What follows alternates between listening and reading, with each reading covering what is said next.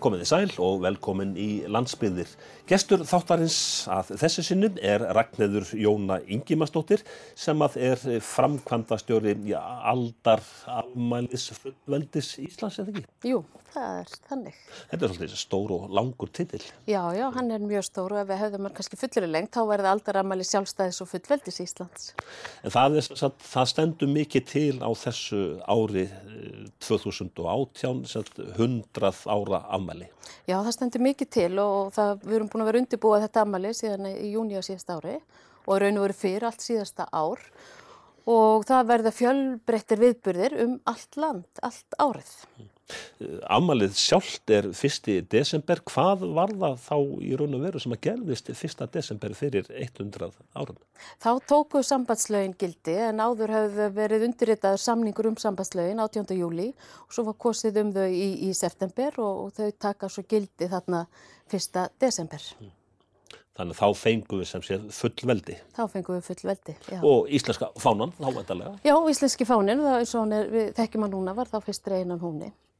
En sem sagt, já, aðdragandin af þessu, það hafði staðið yfir já, mikil barátt að fyrir fullveldin. Já, já, sjálfstæðisbaráttan var búin að standa mjög lengi þarna undan og, og hérna, og var búið að reyna að, að semja um þessi sambandslög áður og, og síðan teksta þarna þetta ár mm. að klára málið. Mm.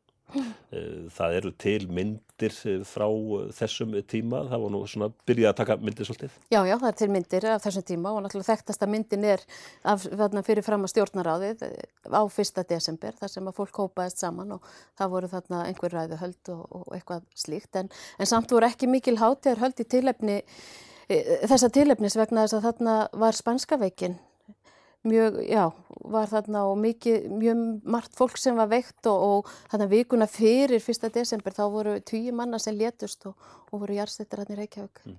Spænska Þannig, veikin á bara heimsvísu, þetta var hróttaleg veiki. Já, já, og hér á Íslandi létust eitthvað í kringum 500 manns. Mm. Þetta ár 1918 svona, já, í, í okkar huga landsmanna það er talað um frostaveturinn 1918 og einmitt á þessum tíma sem við sittum hérna. Já, já, já, hörmungar ár var oft, oft, oft sagt sko en, já, já, frostaveturinn var þarna. Þetta var tímabil í janúar sem að var í, að mér minnir einhvað rúmlega 20 dagar sem að var mjög mikið frost á landinu og og þarna fröys og það var að ganga á, frá Reykjavík upp á Akranesa og Ís og, og, og það var, já, Það var mikið frost á allir landinu. Mm. Þetta nánast vita allir Íslandingar frosta vetur 1918. Já, já, já, já. Mm. það var einmitt á þessum tíma, mm. nákvæmlega fyrir 100 árum. Já, já, já. Ég var svona aðeins að fletta þessu upp, sá á ykkar ágættu eh, heima síðu hvað gerðist á þessu ári fyrir heimstildin, henni, henni lauk einmitt á þessu ári fyrir 100 árum. Já, henni lauk á þessu ári og, og það var náttúrulega áhrif hennar, áhrifum hennar getti hérna og kannski eru þau meiri heldur en til dæmis áhrif frostavettisins því að það var þarna vöru skortur og ekki siglinga til landsins og annað slíkt sem, sem hafði náttúrulega áhrif á líka, þetta var svona veiri hugum manna svolítið hörrumungar ár sko. Mm. þannig að það var margt sem var að gerast á þessu ári. Mm. Kallagaus svo þarna haustinu og þannig að það var margt sem að gerðist. Mm. Það var þó nokkur stort gós?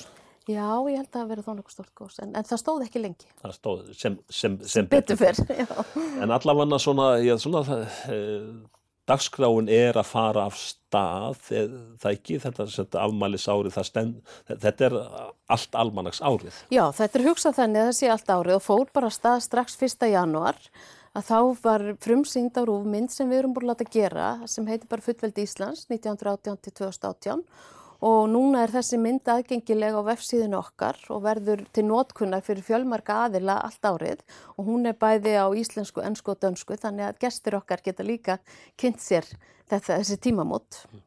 En hvernig þetta, er ætlun að halda upp á um, afmælið? Kemur þetta ofan frá eða er þjóðin fengin með? Já, nei, þetta er, við myndum segja að þetta væri svona græsrótar. Við leituðum til landsmanna eftir viðburðum á dagskráramælista ársins og það var auglist eftir þeim og við fengum mjög góða viðtökur. Við fengum tillögur um 169 verkefni og Út frá því var farið í mikla vinnu og þar voru valin um 100 verkefni inn á dagskrána og ef við tölum um hundra verkefni þá er það mun fleiri viðburðir því að undir mörgum verkefnum eru margi viðburðir.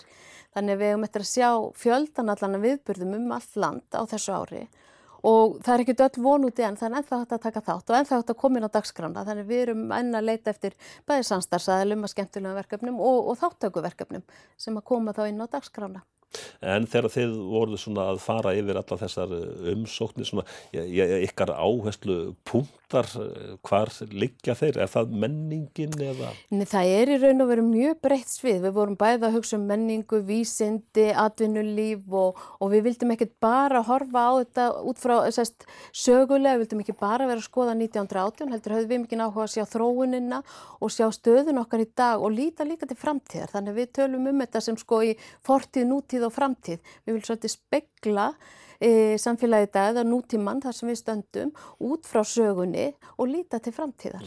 Þegar við Íslandingar erum svona að ég tala almennt um okkar sjálfstæði og svo framvegs, þá svona, ég held ég að tungan, hún komi mjög framalega.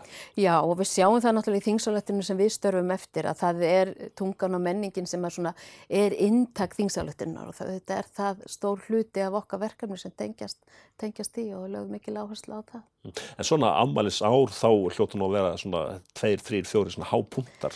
Já, það er náttúrulega að við reynum að láta þetta standa allt ári. Þá eru tveir hápuntar sem er að koma fram með mitt líki í þingsáletunni. Það er að sjálfsögðu fyrsti desember og þá verður dagskrá á vegu ríkistjórnarinnar og auk þess hefur við svona hvart sveitafélögum alland að líta til fyrsta desember og ég veit um fjölmörg spennandi verkefni sem verða á fyrsta desember bara um alland. Mm. Og síðan er það 18. júli þann dag sem að sambandslögin voru undirrituð, eða samningur um sambandslögin og þá verður hátíðarfundur alþingis á þingvöllum og hann er í umsjó alþingis og þarna verður bein útsending frá þessum fundi þannig það eiga allir að geta fylst með þessum þingfundi. En uh, verður fólku hvað til þess að fjölmenn á þingvöld? Nei, það verður ekki svona hátíða dagskrá fyrir almenninga eða ekki hátíða dagskrá þar sem er sem sagt, verði, verði, fólk verður hvað til að koma heldur verður þetta þessi þingfundur og, og honum verið sjónvarp og einhver svona dagskrár broti kringum hann og vonum að verði bara ekki mjög áhuga að verði dagskrár til að horfa á því að eins og við vitum þá er þingvelli núna þegar fullir af fólki á þessum tíma og, og kannski ekki hérna ekki aðskilegt að vera að, að stefna þanga fjöldamanns þarna 18. júli. En á þeim fundum á þá ekki búast við að, að þar verði samþygt einhver tillega svona afmæliskjöf einhver? Nú veit ég ekki, þetta er eitthvað sem þingflokkarnir þurfa að koma sér saman um og, og eru sjálfsagt að vinna í því og jú, jú, það verður samþygt einhver tillaga sem verður búin að fara í umræðu. Þannig að hérna, það verður bara spennand að sjá hvað, hvað verður fyrir valinu hjá, hjá ríkistjórn og þingflokkarnir.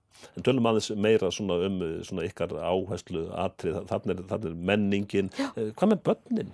Já, það er náttúrulega, hérna, einn af áherslu þáttan hjá okkur er að hvetja bæði skóla til þess að líta til þess að tímamóta og við höfum komið upp námsefni fyrir þá til þess að nýta og, og þar eru við að láta líka gera verkefnabanka sem að þau geta nýtt sér til kennslu og, og náttúrulega myndin okkar, hún er nú gott yfirleitt yfir, yfir þessa sögu Og svo eru við náttúrulega fjölmörg verkefni inn á dasgránu sem tengjast börnum. Það eru mjög margir sem eru að vinna með börnum og þessu þema. Mörg skemmtilega verkefni og barnamenningahátti Reykjavíkar til dæmis með rýmur og rapp. Þar sem þeir ætla að, að vinna með listamönnum og krökkunum í skólunum um, um þess að fræða þá um rýmurnar og, og þau ætla að búið til ný lög og, og hérna, nýja tónlist og, og vinna með þarna listamönnum. Svo er hérna safnasafnið á Svalbaseri hefur verið mjög ötult að vinna með börnum og það verður barnamenningaverkefni á þeim og Og svona má lengi telja, það eru fjölmörg verkefni prjónagleðin á, á, í tekstilsetrinu á á hérna blöndósi, þau eru með stort verkefni, hluta því tengist börnum þar sem þau farin í skólan og vinna með þeim og, og annað tengist mjög skemmtilegu uh, þema hjá þeim þar sem þau ætla að hafa samkeppni um fullveldispeisu þannig að prjóna hönnuður og prjóna fólk getur farið að setjast niður og hugað fullveldispeisu fyrir árið. Svo verður stór prjónaháttíðar næsta sumar sem að þetta verður kynnt á niðurstöðunar. Já, ég fór einmitt inn á heimasíðuna ykkar og svona kíkaði aðeins á alla þessa viðbörðu og ég, svona, ég tók út nokkra. Speill fortíðar, silfur framtíðar. Já, þetta er hérna mjög áhugaverð fyrirlestraröð hjá Vitafélaginu. Og fyrsti fyrirlesturinn var í síðustu viku og þá var Gunnar Þór Bjarnason sem fjallaði um, um fullveldið og, og tengdi það hérna siglingum. Og þetta var mjög áhugaverð fyrirlestur og fullt út úr dyrum og þau verða með allar nokkar fyrirlestra núna á næstu vikum og fram á vor sem tengjast í raun og veru bara fullveldinu frá ólíkum sjónarhörnum. Mm mjög, mjög áhugavert. Uh, Jón Leifs lítur nú að koma þarna. Já, já, þarna er náttúrulega frumflutningur á, á hérna, þetta er náttúrulega einstak, einstakur listviðbörður sem Sinfoníuljóst Íslands er með að frumflutningur á, á verki Jón Leifs 1-2. Mm. Hvernig verður sáfrumflutningur? Það er núna á vormánuðum, mm. já. En já, við getum sagt eh, bara, já, það er í raun og bara, alþjóðlegu viðbörður. Já, já, það er náttúrulega bara heimsviðbörður og mjög, mjög, verið mjög gaman að fylgjast með því og, hlusta á, á þetta verk, þetta mikla verk sem Jón Leif samti. Mm.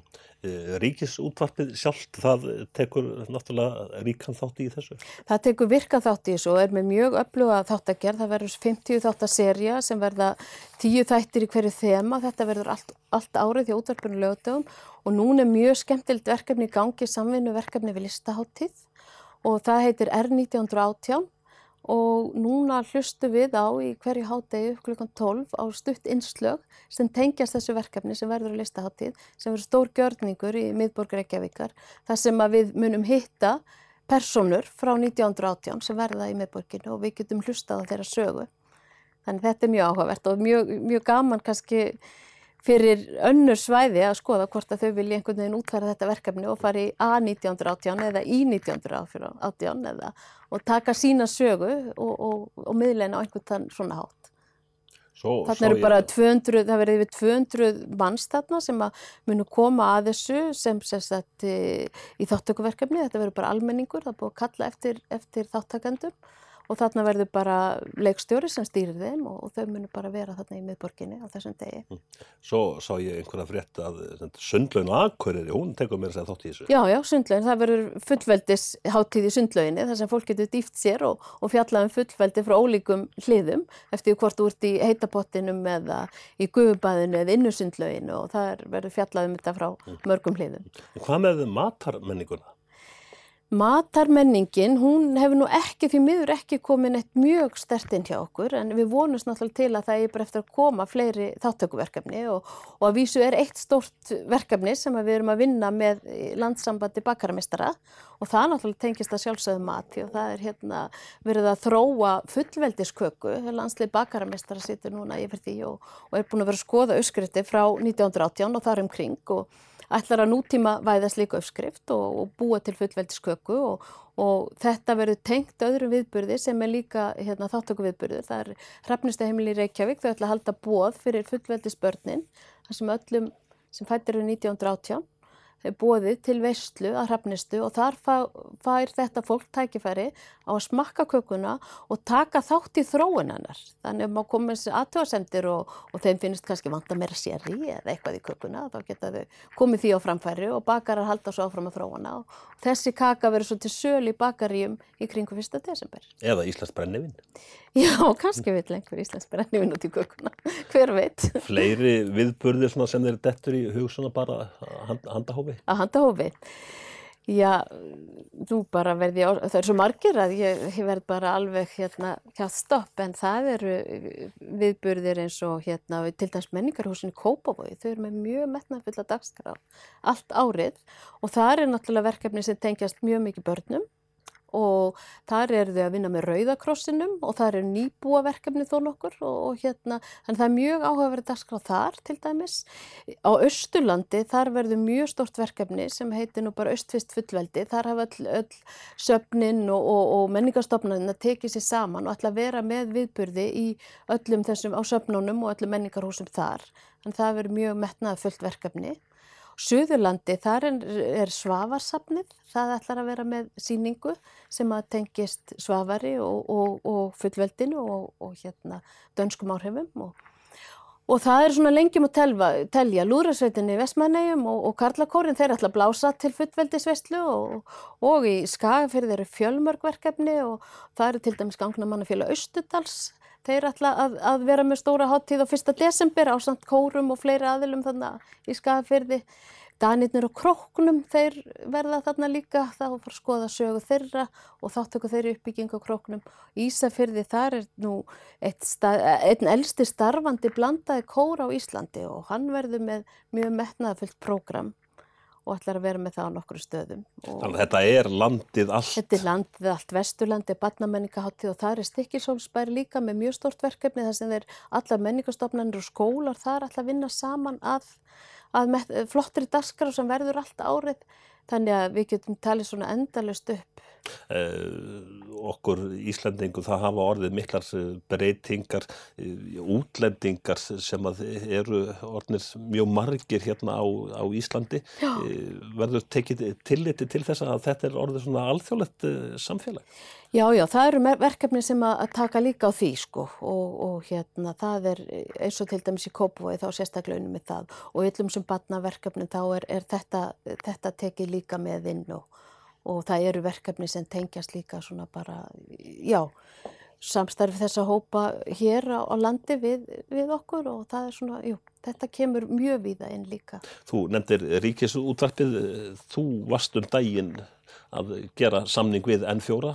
Já, við vorum að gera samning um þáttagerð og þau ætlaði að vera með tvo, vera með tvo þætti, klukkutíma langa þætti í haust sem verður mjög áhugavert að, að, að fylgjast með því að ég, ég veit að, að það verður farið um allt land og skoðað fullveldið frá ymsum sjónarhóttnum og, og, og tekið svolítið svona tímin í dag og ætlið að tala bæði við gamla og, og unga og og það verður mjög áhugavert að sjá hvernig þið vinnið úr þessu, ég er spennt. En hafið þið eitthvað svona, svona íhugað það sagt, að þegar ammaliðsárið verður gert upp mm. að sagt, hverju á það að skila í, í, í raun? Við náttúrulega vonumst til þess að eftir þetta ár þá sé fólk náttúrulega meðvitaðra um söguna og mikilvægi þessa tímabils í sögunni og að sem flestir landsmenn hafi notið einhvers og fengið einhverja viðburði ammælis ásins á einhvern hátt hvort sem það er að taka þátt, vera með viðburði eða, eða fylgjast með þessari frábæri dagskrá sem verður til dæms í fjölmiðlum og, hérna, og við vonumst til að það siti eftir ánægja gleði og meiri þekking og, og að fólk geti, geti litið til þessa árs af gleði með gleði. Mm, og stolti. Og stolti, að sjálfsög. Það er stundu sagt svona þegar maður mætir í ammælisvesluðsunu, eða hvernig hefur nú ammælisbarnið það? Ammælisbarnið hefur mjög gott. Það hefur orðið mjög mikil þróin frá því við fengum fullveldið 1918 og við lítum mjög björnum auðvitað til framtíðar því að við erum mjög framalega á mörgum sviðum og mörg tækifæri hér og ég held að við hefum bara nýtt okkur það á næstunni og nýta okkur ammælis árið til þess að og sína hvar við stöndum framalega á mörgum sviðum. Við erum þjóð meðal þjóða, við erum mjög frambærileg. Svona þegar þú, svona, ég frá því að þú tókst við þessu þá náttúrulega ertu fann að spá og spekulera en þá meira í þessari sögu Já. að ég þannig að hafa orðið gríðarlega eh, framfærir á í öllum sviðum getur við sagt. Mjög mikla framfærir og það er náttúrulega alveg bara ótrúlegt hvað þetta hefur gerst hratt og, og það er svolítið gaman að, að velta þessu fyrir sér eins og til dæmis á 1. desember 1918 þá er stopnað vísindafélag Íslandinga af því að þá þóttu mikilvægt að við ættum vísindafélag og það stopnað sama dag og fullveldið og er 100 ára núna og þau eru til dæmis með mjög flott og metnaða fulla dagskrá sem snertir alla greinar vísindana. Eh, Læknafélag Íslands er 100 ára og þannig að svona má lengi til að Björgunafélag Vestmanneja eru 100 ára.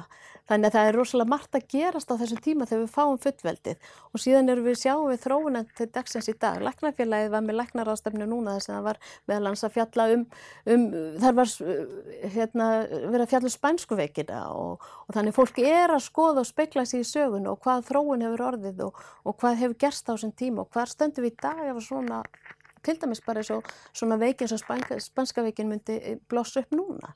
Þannig að það er svolítið gaman að sjá við, við að skoða söguna svo og, og spekla okkur sko í sögunni, hvaða þróun hefur orðið. Og þessi umræða hún svona mun svona, já, þingjast bara eftir því sem að líður á, á ári. Hún mun gera það og, og við sjáum náttúrulega að þetta fer svona þægilega stað og svo við náttúrulega koma svona ákveðnir hábúndar, það verður náttúrulega mjög mikið í kringu fyrsta des og svo kemur kringu sumarið, verður talsvægt mikið af viðbyrðum og, og það eru margir að raun og vera svolítið að velta þessu upp sko skoða þróunina daginn í dag og, og við viljum sjá þetta út frá öllum, öllum greinum sko. Eh, það er búið að gefa út svona afmælis dagskrána og það Já. er svona ennþá pláss fyrir viðburði. Ertu, ertu ennþá að fá sagt, til þín alls konar eh, hugmyndir og uppastungur já, já, já, já, það er ennþá að koma og viðburðir geta komið inn á dagskrána allt ára og við gáum út hérna fyr, blað fyrir fyrirhlut ársins og svo í, í vor þá munum við gefa út annað dagskrárblað og það er náttúrulega um að gera að, að fara að huga þegar fólk vil koma viðbyrðum á dagskrána og taka þátt að, að, að fara að huga því og fara að skráða inn hjá okkur og fá umfjöllun í tengslu við ammælsárið sem verður mikil. Þú varst áður menningar fulltrú í Eithings sem að ég þá syndi þess að eigafyrði og þingasíslum að fara úr menningarfulltrúastarfinu í þetta vera framkvæmdastjóri staðsta afmælis, ég mistakosti síðara ára, getur við sagt 100 ára fullveldis í þjóðverðinar, þetta er nú heilmikið breyting.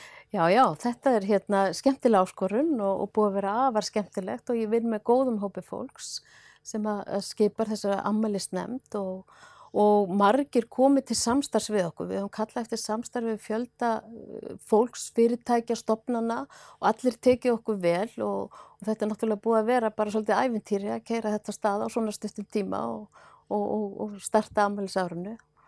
Og mörguleiti er þetta líkt menningafullur á starfinu. Þú þarfst að vera með marga þræði og halda mjög mörgum boltum á lofti og já, við ekki aðtegla á þessu, þetta er mörguleiti líkt og þetta sé náttúrulega talsveit umfangsmera og, og, og snæri við stærra svæði. Þegar þú sástu auglýsinguna einhvers staðar í, í blöðunum var það bara stærra, já, þetta fyrir mig. Ég hugsa bara þetta veri áhugavert og það veri gaman að taka þátt í þessu að mér staði til bóða þannig að þess vegna sendi ég en umsókn og, sendi hann eins og ég hef sagt ekki frá mér að ég bundnum máli að hluta þannig að ég geti nú markað mér einhverja sérstöðu í þeim stóra hópu sem sóttu um um þetta starf. Manstu ennþá það bundna mál?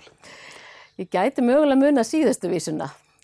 Nei, þú hefur náttúrulega verið búin að undirstinga með þetta. Ég er ekki vissum í munan, þor, þannig ég þóra að fara með hana. En þess að hluti af umsókninu var í bundnu máli? Já, ég, ég hérna, ákvaða að ég þyrta að marka mig sérstöðinn að þess hóp sem myndi sækjum og, og sóttum já, í bundnu máli. En þessi verkefnu öll sem er að koma inn á borð til þín, eru Íslandingar, er þeir hugmyndaríkir?